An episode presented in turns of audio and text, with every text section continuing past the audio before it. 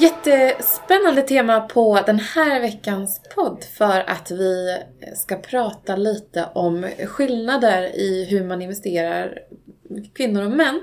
Och det här har JP Morgan Asset Management tagit fram en rapport där de har studerat lite olika länder runt om i Europa eh, och fokuserat på kvinnor just. Och eh, både egentligen hur de jobbar med ekonomi och hanterar ekonomi men också inställningen till investeringar i de här olika länderna. Så jag är jätteglad över att ha Lennart Vara här på Feminvest-kontoret. Eh, Tack så mycket. Tack för att jag får komma. Du, eh, hur mår du idag? Ja, mycket bra tack. Spänd och förväntansfull inför den här inspelningen med dig och med er. Menar, nätverket som ni har eh, bevisar ju att det finns en enorm potential och kompetens inom investeringar. Mm.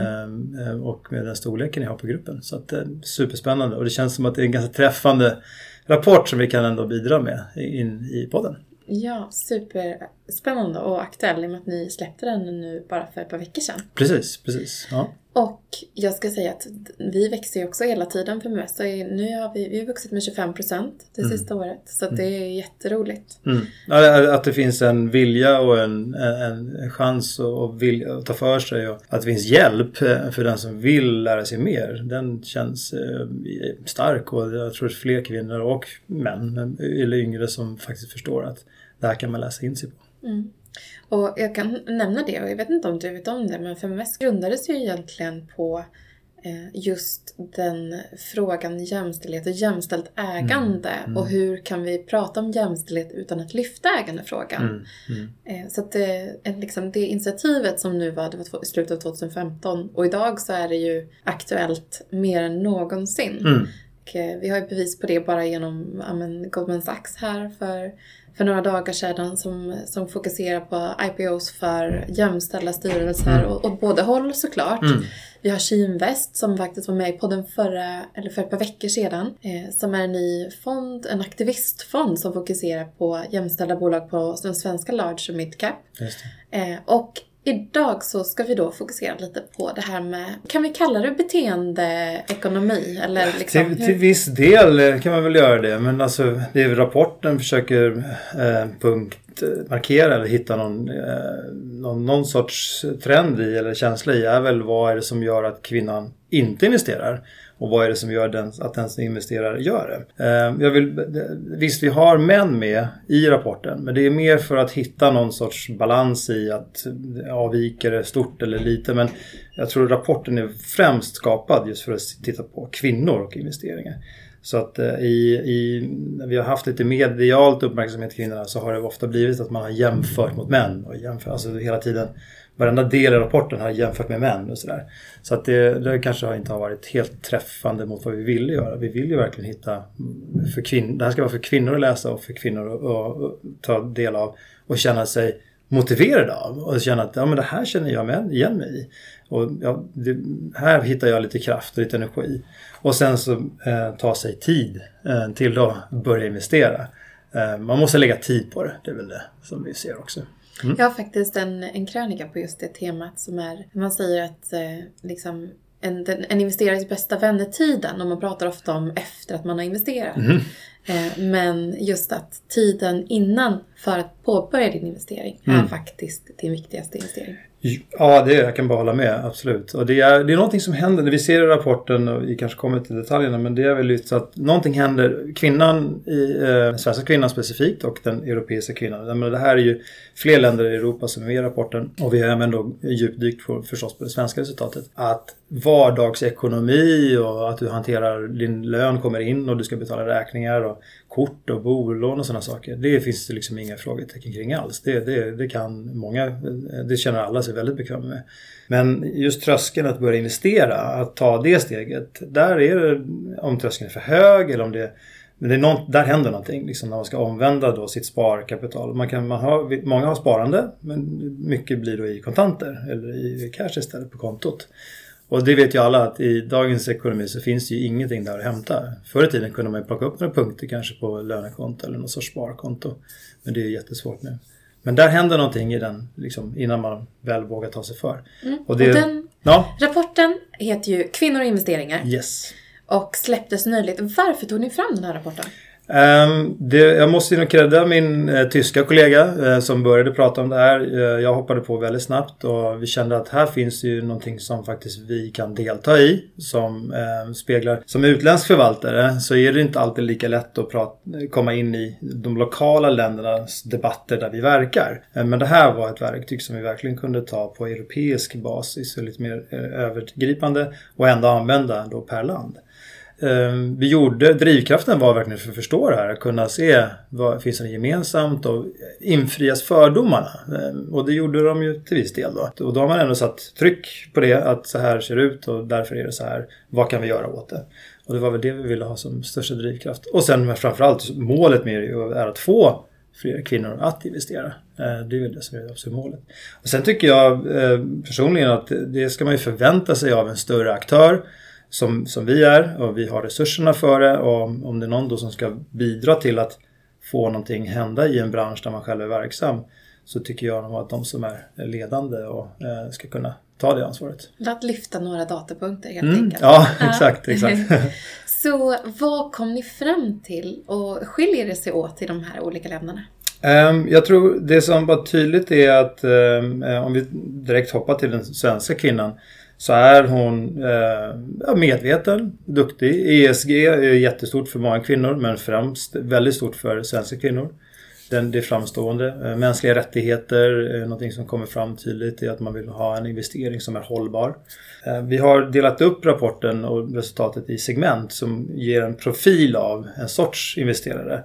Och den svenska kvinnan är, eh, är fram, träder fram tydligt i en sån person som är aktiv och ställer upp tydliga mål. Eh, man pratar då, man tänker främst på att man vill ha en bekväm pension, man vill ha trygghet för sin familj och ekonomiskt oberoende. Ekonomiskt oberoende är väl kanske eh, en, eh, för många en dröm, men då får man ju ligga i ordentligt. Men, och där, där framstår svenska kvinnor som extra starkare. Optimist... Och det tror jag att man kan dra paralleller till liksom investeringsklimatet, hur många som investerar i Sverige mm. generellt. För mm. där är vi ju en, en, en förebild för många andra länder. Mm, i mm.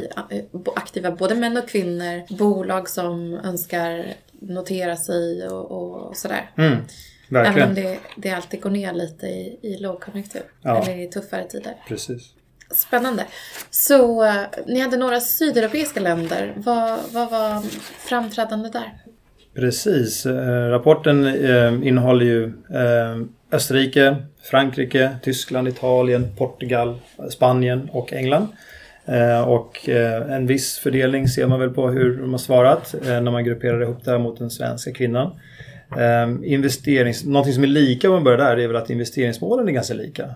Pension, ekonomisk trygghet. Så eh, svenska kvinnor vill eh, ha lite större buffert än de europeiska. Så att eh, den europeiska kvinnan känner sig lite mer manad att eh, investera kanske. Men samtidigt så säger den europeiska kvinnan att den är lite rädd för svängningar och vill inte riskera att förlora sina pengar. Och, och där väger det över jämfört med den svenska kvinnan. Så svenska kvinnan som investerar känner väl att risk är någonting som man måste räkna med. Sen så en annan parameter är att man känner att man borde spara mer, tycker den svenska kvinnan, i högre grad än europeiska kvinnor. Men det finns inte så mycket kvar i slutet av månaden och det är väl ett evigt dilemma att förstå hur mycket, alltså också att ingå i den här tröskeln. När ska jag börja? Hur ska jag göra? Hur mycket ska jag spara? Där, och där har jag ett par intressanta inspel. För att jag vet att Klarna till exempel publicerade en rapport för det första halvåret för 2019 som jag kikade på. Där närmare 70% av all konsumtion, runt 70% var, stod kvinnor för online. Och då kan vi inte ens gå in på och börja prata om vilka som faktiskt går i de fysiska butikerna. Det är ju inte, det är inte männen, Nej. så att säga. Och hur vi i förhållande till våran konsumtion, i och med att vi är inne lite på det här med beteende, mm. eh, strör pengar runt oss eh, som kvinnor. Och absolut, vi, väldigt mycket visar ju, studier visar på att vi i större utsträckning tar ansvar för liksom, se till att barnen har med sig ett äpple till, till skolan eller liksom barnkläder när det ska inköpas eller hushållsprodukter och så vidare. Och jag läste ett citat i The Economist som sa att the backbone of the US economy is built upon female unpaid work. Mm. Och det här, det här speglas ju såklart i det här resonemanget att man inte upplever att man har någonting kvar vid månadens slut som mm. jag egentligen tror är en prioriteringsfråga. Mm. Och, och det, det, det, kommer i rapporten också, tiden. Eh, den är klart framstående för alla kvinnor. Att man känner att eh, tiden inte räcker till. Eh, för att jag gör så mycket annat under månaden. Men i den här rapporten då, vi ska, vi ska vara försiktiga med att jämföra för mycket med männen, men den, de har inte alls samma känsla. De tycker att det finns tid till att tänka på det här. Så att den, så, jag menar, och jämlikhet i investeringar, absolut. Det gäller ju framtida pensioner, att man känner att man är, kan vara ekonomiskt trygg om någonting skulle hända i ens, gud förbjuder, ens relation eller med allting man håller på med. Och arbeta och känner att man ändå kan stå på egna ben. Så att investeringar är jätteviktigt. Eh, just för att öka, för, liksom för klyftorna ökar annars. Och det, där kan man verkligen använda investeringar som ett, för att för minska dem. En annan sak vad det gäller rådgivningstyper man söker så står det eh, tydligt att svenska kvinnor de vill gå till sin bank. Eh, på kontinenten ser det lite annorlunda ut. Man kan jobba med rådgivningsfirmor eller mindre bolag eller privatbank eller försäkringsbolag som också står ut bland europeiska kvinnor att man vill söka sig till. Men ehm, eh, i Sverige så vill man gå till sin bankrådgivare och det är eh, väldigt likt mot svenska män också. Mm. Eh, andra gånger. Ja. Mm. Eh, vilken åldersgrupp var, var så man har gjort undersökningen eh, i åldern 30 till 65 mm. Eh, och totalt är det 3000 kvinnor mera och för, för Sverige så blir det 500 kvinnor som deltar. För det tycker jag är intressant för där tror jag också att det är en, en liten generationsskillnad där den nya generationen inte är lika benägen att gå till banken. Jag gjorde det till en början i 2008 och gjorde det inte efter september 2008. Nej, nej. Eh, av diverse anledningar. Och sen har ju mycket ja. förändrats och reglerats. Ja. Så det är du högst medveten om. Men eh, ändå. Ja, förtroendet för branschen eh, har, ju allt, har ju varit tufft länge. Eh, investeringsbranschen, bankbranschen. Eh, Fredrik Nordström, VD för Fondbolagens förening var hos oss Eh, Eh, på, vi hade ett internmöte och bjöd in honom eh, förra året. Och, eh, ja, det är väl ett år sedan. Då sa han väl att Eh, förtroendeindex finns ju bland olika branscher och sektorer i Sverige och vi låg eh, väldigt långt ner efter begagnad bilhandel och sådana saker. Så det, det, var mindre smickrande. Så att eh, branschen i sig har ju, och vi där, därtill, har liksom en, uppförsbacke fortfarande. Men det hjälps ju av moderna bolag. Du nämnde Klarna förut till exempel. Det finns moderna finansiella bolag som också utvecklar sparandetjänster, investeringstjänster och banktjänster. Eh, och så förhoppningsvis så dras väl det med att man får ett större förtroende just i allmänheten också för eh, finansiella tjänster. Så tillbaka till rapporten så, så framgår det ju att eh, och jag tror rent generellt att det, det, landar ju någonstans, eller det vet vi, med liksom de datapunkter vi har. Både de bolag som startas och hur liksom, eh, ISK eller fördelningen av investeringar ser ut för kvinnor och män. Att det, trots att du kanske inte vill, vill prata jättemycket om det, att det skiljer sig en del åt. Mm. Och att kvinnor är lite försiktigare, tar mindre risk. Hur, ja, ja, och det är, tankar ja, och det är väl bra. Alltså, eh, det, det, vi tycker rapporten visar är att man förstår till stor del att risken krävs. Vilket den gör. Om du ska göra en investering så tar du ett visst mått av risk. Men det är frågan är ju hur mycket risk måste man ta? Och, det, och då kommer vi igen på att det finns en tröskel där. Vem, vem, hur kan jag lära mig det, vad det innebär? Men visst, tumreglerna då kring räntepapper mot aktier och fonder istället för enskilda aktier och sådana saker. Det, det måste ju då, det, det, får man ju bestämma för sig själv individuellt vad det innebär. Där finns det liksom ingen eh, gyllene regel vad du ska investera i. Men att du ska sprida de riskerna du har, ja, det, det tror jag många har hört och fått inhamrat i sig Ehm, även om nu då i eh, privatekonomi faktiskt inte finns ens i skolan, vilket eh, är också en debattfråga. Ehm, men ehm, eh, sprida sina risker och tänka diversifierat är väl viktigt. Och sen att man med med, risk, med volatilitet, finare ord för risk, att den då finns där hela tiden och att du måste ha en lång tidshorisont över din investering. Snabba klipp och motsvarande, det får man nog akta sig för. Men egentligen så stämmer det bra överens med den typen av investeringsmål som kvinnor har. Ingen, ing, det framgår ju att det inte det är inte snabba klipp som, som majoriteten är ute efter utan det är den där trygg, tryggheten och pension som förmodligen för många av de här personerna det ligger några år framåt. Ja, 30-åringen i alla fall. Precis, ja, precis, och det som eh, syns i rapporten också är ju då att män om vi jämför med män igen, vilket eh, känns oundvikligt för vissa tillfällen, är att de ser det som att de ska slå eh, indexet ungefär. De ska liksom, de ska, det, är, en, det är en tävling. Eh, Medan kvinnan ser mer... Eh, Hon gillar indexfonder. ja, det vet jag inte. Men, ja, men de ser lite mer pragmatiskt på det. Och med risk och med avkastningen och liksom förhållandet däremellan.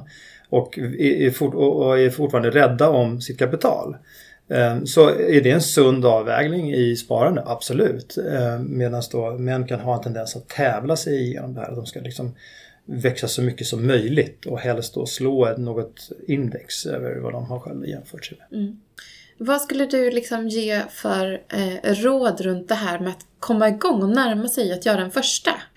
Börja där du är. Alltså, så li, det minsta lilla eh, tycker jag man kan börja med. Eh, eh det, man måste inte använda enormt stora belopp. Ränta på ränta-effekten och att man liksom kör, sparar löpande, kanske i månadsvis motsvarande gör ju att du plockar upp eh, liksom, både avkastning neråt men avkastning uppåt och du får eh, så under en längre tid. Men beloppet måste inte vara enormt stort från början. Eh, har du en lång horisont så börjar någonstans där. Känner du att det här, det här gillar jag, det här kan jag. Vilket jag är övertygad om att vem som helst kan som bara börjar. Man måste läsa på lite grann innan. Man måste, som du var inne på också, man måste ta sig den tiden. Tiden innan är lika viktig som tiden när du väl är investerare. Eh, köper du en fond eh, eh, så måste du nog du behöver inte sitta varje dag och kolla på hur fonden går för då blir du till slut tokig. Utan låt det börja, kör några veckor, månader och sen så kommer du märka att liksom, det här tuggar ju på bra. Då kanske du vill öka ditt belopp eller du kanske till och med köper en till eh, fond eller en annan investering för att då bygga en portfölj. Men eh, så ta dig tid innan du börjar var bekväm med valet du gör och låt det sen bygga vidare. Och det är en långsiktig sak man gör. Liksom. Men att sitta varje dag och kolla på ett fondsparande. Det, det är så kul.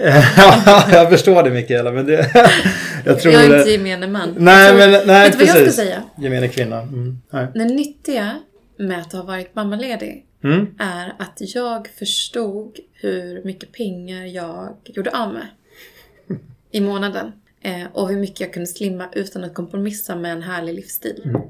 Eh, så att nu är vi, rapporten lyfter ju liksom i slutet av månaden, jag mm. har inga pengar kvar. Mm. Eh, ja, alltså det resonemanget skulle jag också kunna använda på min nuvarande situation. Men då har jag redan lyft upp det första jag gör, mm. tagit bort det som jag vill investera. Och det är ju också ett, alltså det viktigaste beslutet egentligen. Mm. Att eh, avsätta de där pengarna tidigt och sen mm. leva. För att det, det vet man ju att det är mycket svårare att skala ner ja. eh, än att eh, än att skala upp. Det kan det nog vara. Eh, men, nej men du har helt rätt. Man ska ju inte man, måste ju leva fortfarande. Jag menar, ju, investeringar är ju inte då liv eller död här just nu men i, i det stora hela. Men, att, ja, men man måste, igen, börja litet. Ta ett belopp som du känner dig jättebekväm med. Det här kan jag ha. Prova ett halvår, ett år och se hur det känns och se hur det går. Eh, och sen när du blir mogen med det och känner dig bekväm med det så kanske du ökar ditt belopp. Men att det går att hitta några sådana fällor i sin vardagsekonomi eller några sådana där, där det försvinner pengar. Det, ja, det, det håller jag nog med om. Mm. Men om man då backar, backar tillbaka till, till den här rapporten och mm. vad framgår det vad som de här kvinnorna upplevde? Vad ville de ha för att komma igång? Ja, jag tror... Eh, Eller jag vet ens, att jag stampat upp det. Ja, ens, det, det, finns ju två saker. Men ESG eh, e nämnde vi ju. Eh, men att, man, att blir man presenterad med en, en bra produkt som faktiskt också har ett hållbart eh, profil och man har det i sin investering. Det, det tror jag, om man nu vill nå den här målgruppen, nå kvinnogruppen, att hur ska man kanske paketera sin investeringslösning. Då tror jag att eh, hållbarhet känns helt givet. Jag tror att är du inte med, har du inte hållbarhet med där så eh, Men där så är det ju svårt. Jag menar, vi har haft rubriker de sista veckorna bara på, på så kallade ESG eller hållbara fonder eh, som först lyftes av Dagens Industri av att eh, ja, men innehavet var i stort sett detsamma som i de icke hållbara fonderna. Eh, inte jättestora skillnader där. Och likadant Morningstar lyfte ju den samma problematiken nu nyligt. Så ja, jag vet 70% av Feminvest-nätverket säger också hållbarhet är viktigt när de investerar.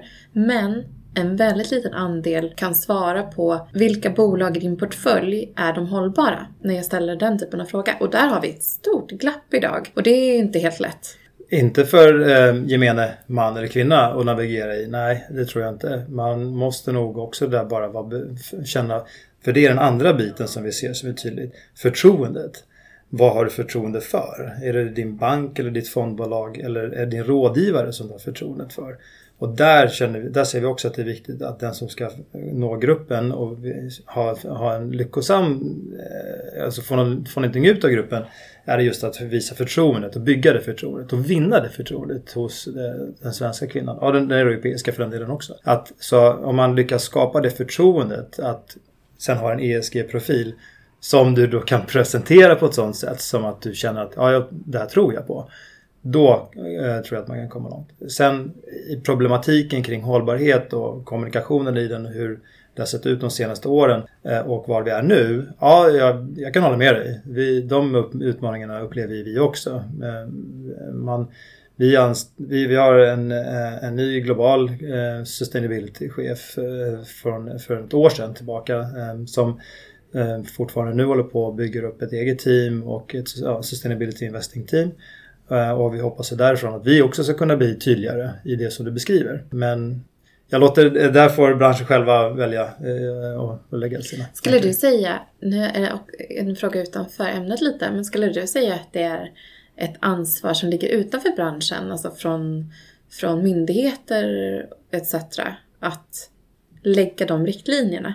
Det eh, kan man tycka, men att det är och det kommer nog komma. Eh, jag tror att i, eh, våra kollegor i Belgien har precis fått igenom ett antal av våra fonder och fått en, ett, ett certifikat som, heter, eh, som utfärdas av en organisation där som heter Febelfin som är den belgiska reglerarens ehm, uttryck för att få en certifierad hållbarhetsfond. Med den stämpeln från Febelfin, Sustainability ehm, ehm, eh, stämpel, så får du då en enklare väg in på plattformar eh, i ett guidat fondutbud. Du får ju en stämpel som gemene man och kvinna i, Belgien då kan känna väldigt trygghet i och förtroende för att den här är faktiskt gjord av eh, min myndighet eller min finansinspektion motsvarande för att trygga mig i mitt val av investering.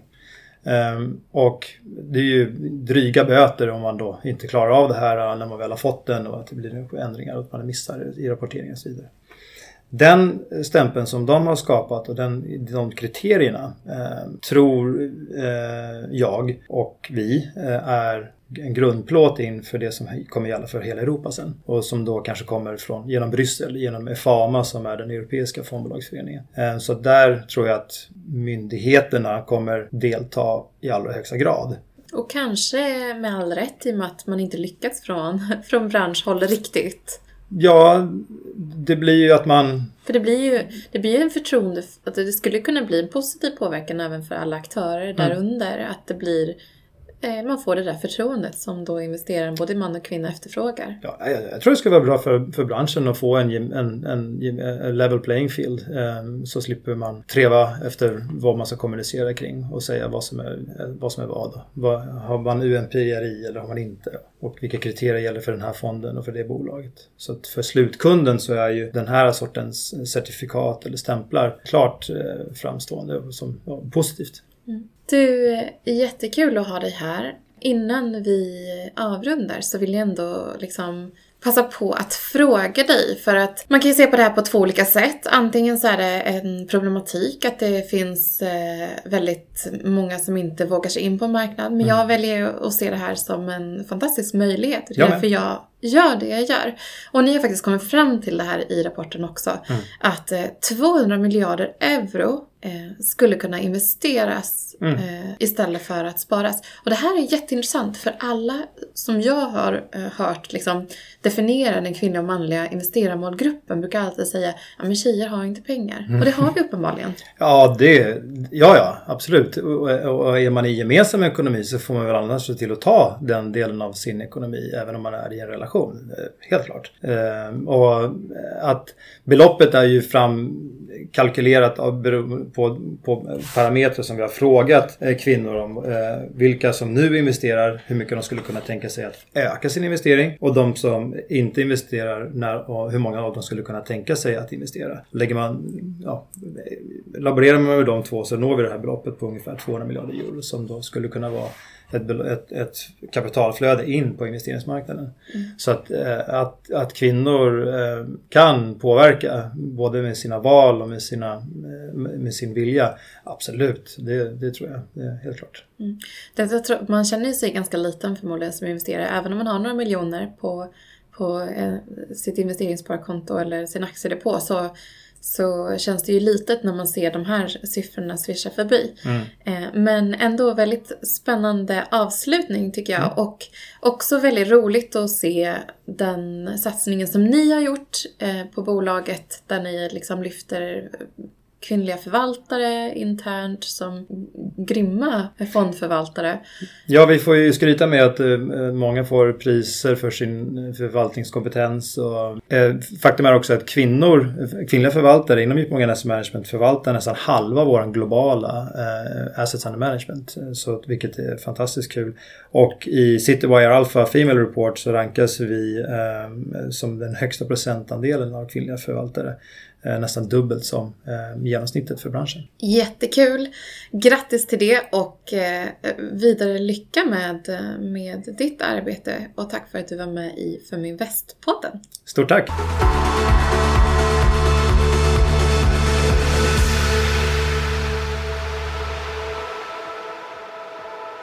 Feminvest är Sveriges största investeringsnätverk för tjejer. Vi vill att allt fler ska våga äga och förvalta.